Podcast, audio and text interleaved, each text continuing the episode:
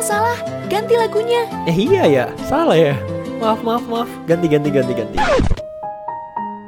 Tepat waktu bukan berarti terlambat. Terlambat bukan berarti tepat waktu. Kamu bingung gak? Sama, aku juga.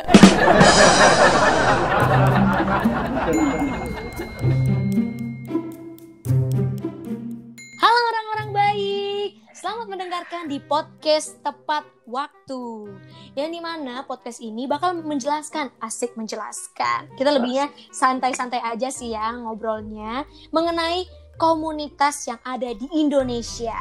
Tapi sebelum kita ngebahas tentang komunitas yang bakal kita bahas kali ini, aku pengen kenalin dulu nih kepada orang-orang baik yang sedang mendengarkan podcast ini, yaitu aku Melisa dari Bojonggede, si mahasiswa yang patah hati. Selanjutnya, Halo, aku Adit dari Jogja dan aku dari bertahun-tahun yang lalu menunggu kedatangan jodohku. wow, lama ya? Dan orang-orang baik. Pada udah punya pacar. Oh gitu Maaf, ya. Eh, satu lagi ya? Satu lagi siapa? Kita bertiga Halo, nih. aku Given, seorang mahasiswa dari Ambon. Aku orangnya sangat mager buat tugas. Aku Oh gitu ya. Jujur banget ya bener. ya. jujur Gak apa-apa. sehat. Tapi kali Jujur. ini tentunya kita bakal ngebahas salah satu komunitas yang tentunya menarik banget loh teman-teman. Bener banget, menarik sekali ya. Gila. Hmm, Karena- kal- ini- tebak deh, kali ini kita bakal ngebahas tentang komunitas apa? Malam museum bukan sih? Wah, Cium ya? keren. Oh iya, tuh. iya bener Hmm. malam cium. Nah, malam museum ini kalian penasaran nggak komunitas dari mana? Terus dia komunitas apa sih? Penasaran nggak? Penasaran Penasaran. banget, penasaran banget, pengen tahu. Oke. jelas.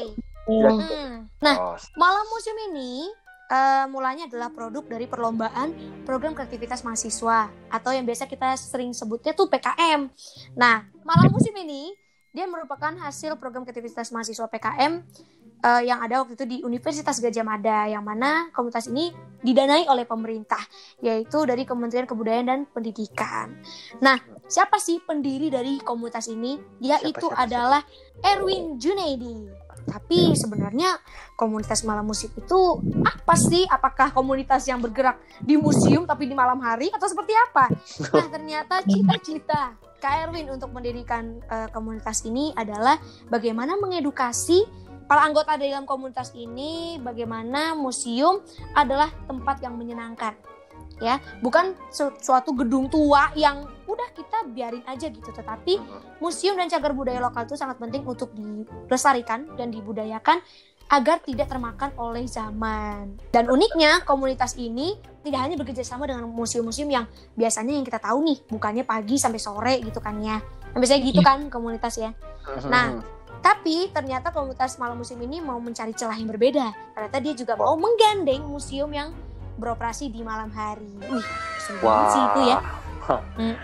Menarik, Seru menarik, banget. menarik, menarik. Menarik. Dan juga aku penasaran nih sebenarnya kenapa ya pada akhirnya kita milih komunitas ini. Mungkin Given bisa ceritain sedikit nih. Ya, Adit Mel, nih aku mau kasih tahu menariknya komunitas Malam Museum. Komunitas Malam Museum ini didirikan oleh seorang anak muda yang mendorong generasi muda Indonesia untuk mengenal sejarah lewat museum, benteng, dan cagar budaya. Bukan hanya itu, komunitas ini juga mengubah pandangan terkait museum oriented ke museum public oriented. Dan banyak event menarik yang dilakukan pada malam hari di beberapa titik keramaian yang ada di kota Yogyakarta guna menarik perhatian masyarakat dan anak-anak muda. Kalau menurut Adit gimana menariknya komunitas ini? Iya bener banget tapi tadi yang dikatain sama Given eh, event-eventnya itu tuh loh event-eventnya itu kan menarik banget nih komunitas ini jadi jadi eh, karena ada event-event itu jadi menarik banget buat kita mengkaji soal komunitas ini kayak selain mereka tuh membantu buat mengedukasi dengan cara yang menarik mereka juga kayak membantu untuk mempertahankan sejarah bangsa gitu. I- karena kan ya. sejarah bangsa tuh sampai sekarang kayak udah mulai dilupakan gitu nggak sih? Walaupun sebenarnya penting bagi bangsa Indonesia mengenal sejarahnya. Dari mana akar kita tuh kayak penting banget gitu. Lewat museum-museum atau tempat-tempat kayak cagar budaya atau tadi juga ada benteng kayak gitu kayak gitu. Itu perlu untuk diketahui oleh masyarakat luas Tapi gini nih guys, Hmm. tapi gini, bentar bentar bentar. Kan ada pepatah yang bilang kalau tak kenal maka tak pacaran. Ya nggak ya nggak? Salah, Kalau- salah. Bukan seperti itu, Adit. Salah ya. Sa- Salah. Salah. Oh ya lupa lupa maaf maaf. Tak kenal maka tak sayang dong. Ya. Nah, Jadi kita tuh kayak harus lebih mengenal lagi lebih dalam tentang komunitas ini kayak apa sih yang lebih menarik lagi gitu di dalam komunitas ini apa sih gitu komunitas malam museum ini tuh memiliki 50 anggota gitu. Jadi termasuk komunitas wow, banyak ya. Hmm, lumayan gede lah intinya. Yang berasal dari berbagai daerah gitu nggak cuma dari satu daerah aja berbagai daerah dan juga kebudayaan ada yang beragama Muslim ada yang beragama Kristen Katolik Buddha dan juga ada yang Hindu nah juga yang dari daerah asalnya itu ada yang dari Sumatera ada yang dari Jawa ada yang dari Kalimantan dan juga ada yang dari Sulawesi nah kayak kita kita gini kan aku di Jawa nih sama Melisa Melisa di Jawa bukan sih Iya, betul. di Jawa Jonggol Jawa atau di Iya, lebih tepatnya jonggol ya. eh, Pasti Jonggol pada tahu sih. Jawa pinggiran dikit gitu nggak sih pinggiran pantai? Enggak. Nggak ada pantai, Adit. ya. Iya. Gitu. Sawah-sawah aja sih. Hmm, sawah lumayan ada airnya dikit. Kalau Given, Given dari mana ya Given? Dari Ambon, jauh banget sih di Indonesia Timur. Tapi kita tetap ini tetap berjalan sama halnya dengan komunitas ini. Jadi mereka juga nggak terganggu dengan perbedaan-perbedaan yang ada di komunitas ini gitu. Eh, bagi yang beragama apa pun atau dari asal mana pun mereka punya hak yang sama untuk berpendapat nih.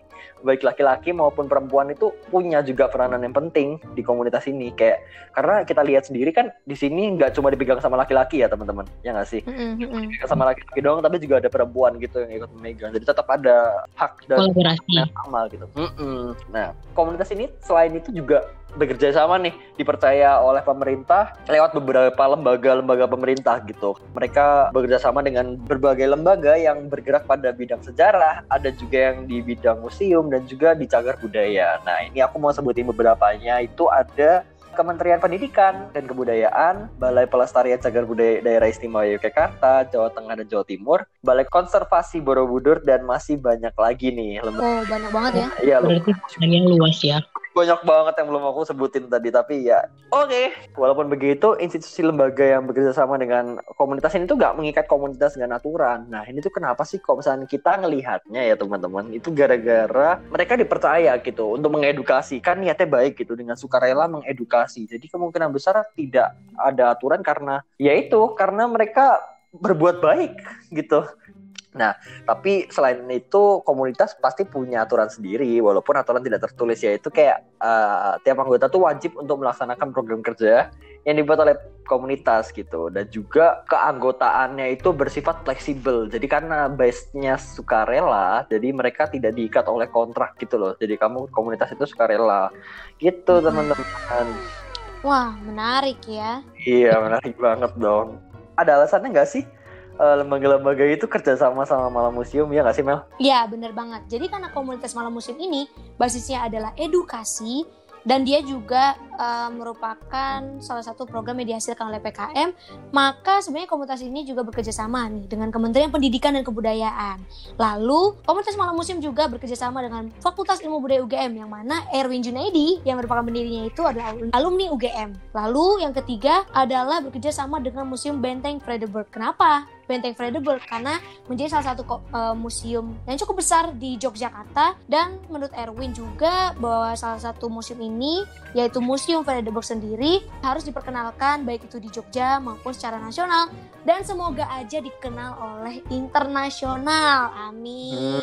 Amin. Amin. Selanjutnya selain dengan relasi itu anggota itu pasti memiliki peran penting kan di dalam suatu komunitas. Kalau nggak ada anggota tuh kesannya kayak Komunitasnya nggak mungkin jalan. Iya benar. Bagaikan mm, masakan tanpa garam sih? Oh. Hambar ya. Iya hambar Mm-mm. banget. Makanya kenapa komunitas malam musik itu juga memiliki keterikatan nih atau kekerabatan dengan para anggotanya guna meningkatkan partisipasi aktif. Nah, cara-caranya itu misalkan nih ada kegiatan di mana harus dilakukan seperti rapat gitu ya. Iya, nah, iya. misalkan nih aku jadi ketua kan, aku tanya nih, teman-teman gimana ya kita ini mau ngadain rapat nih ngebahas eh, jadwal untuk pertemuan kita di museum A misalnya. Kalian pada Iya. bisa di hari apa ya? Ya, aku kak, aku kak, aku kak, aku. Oh iya iya. Aku kayaknya bisanya tuh hari Kamis, Jumat, sama Minggu kak. Wah, oke. Yang lain gimana nih? Kalau aku bisa, kapan aja bisa kok. Soalnya aku mager banget gitu. Oh gitu, baiklah. Gitu. Berarti kesimpulannya kita bakal rapat di hari Jumat ya teman-teman. Bisa ya? Iya. Bisa, bisa. Nah, kayak gitu. Itu istilahnya kayak simulasi dalam komunitas. Berarti ada keterlibatan para anggota untuk memberikan suara dan pendapatnya masing-masing. Nah, tapi aku masih penasaran. Kan kita dari tadi udah ngebahas nih tentang apa ya istilahnya permukaan dari komunitas malam museum. Aku penasaran sama tantangan nih yang dihadapi oleh komunitas malam museum yang mana mereka ini kan banyak bergerak nih di lapangan. Given, ceritain dong. Nih Mel, Adit, aku kasih tahu ya tantangan komunitas malam museum itu di masa pandemi ini loh ternyata sangat berdampak pada semua aktivitas kegiatan yang Hmm. dilakukan secara langsung harus mematuhi protokol kesehatan dan wajib menggunakan masker. Selain itu juga beberapa kegiatan yang tidak bisa dilakukan dengan tatap muka menjadi kegiatan dalam jaringan seperti menjelajah museum, study tour, diubah ke virtual online webinar dan live streaming via YouTube. Tantangannya cukup Wow. buat komunitas Iya. menurutku. Nah, seperti yang udah kita awal sampaikan tadi kan anggota komunitas berasal dari macam-macam suku sama agama kan, teman-teman. Nah, dari 50 Hmm. orang itu terdiri dari 17 laki-laki dan juga 33 perempuan nih. Nah, di sini itu ada 8 orang yang memegang kepengurusan, teman-teman. Nah, dari 8 orang ini ada founder yaitu Erwin Junaidi, ketua yaitu Roni Sulfa Ali, bendahara Hermawan, sekretaris Putri FS, kemudian ada koordinator program Amazing Race itu Fikri Maulana, koordinator uh, program Kids in Museum itu Norma Gupita, koordinator kelas Heritage itu Ade Wulan Fitriana, dan koordinator media dan publikasi itu Yoga Kurniawan. Nah, dari sini nih, ini nih, dari sini kalian mulai nyadar nggak sih ada yang menarik nih? Sumpah, sumpah, tuh? ada yang menarik banget, menarik banget. Kalian coba lihat dulu dah, lihat, lihat baik-baik nih, terawang dulu. Nah, Hmm. dari sini kita bisa lihat gak sih kayak ada stereotip gender gitu di kepengurusannya. Jadi stereotip gender orang Indonesia gitu loh terhadap laki-laki dan perempuan gitu. Ya nggak sih, ya nggak sih. Coba deh Mel, lihat yang laki-laki deh. Coba lihat yang laki-laki dulu. Hmm. Oh iya, Nah, dapat Nah, kan bener Ada, kan? ada, ada, Ada kan? Mm, mm.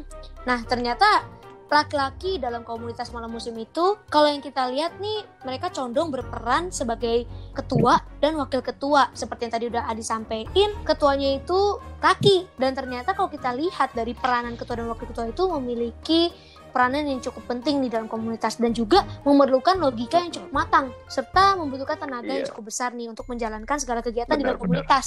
Salah satunya yaitu mengatur serta mengontrol segala kegiatan yang ada di dalam komunitas malam Iya. museum. Wah ternyata emang menjelaskan benar, mas benar, komunitas ya. Tapi nggak cuma yang laki-laki aja nggak sih? Tapi yang perempuan juga ada di sini. Pe- Pembentukan stereotip gender perempuan juga ada. Bener gak sih, Fen? Bener, Dit. Nih aku kasih tahu representasi gender perempuan ada di komunitas Malam Museum. Perempuan berperan sebagai sekretaris dan koordinator program yang dibuat untuk anak-anak seperti program Kids in Museum.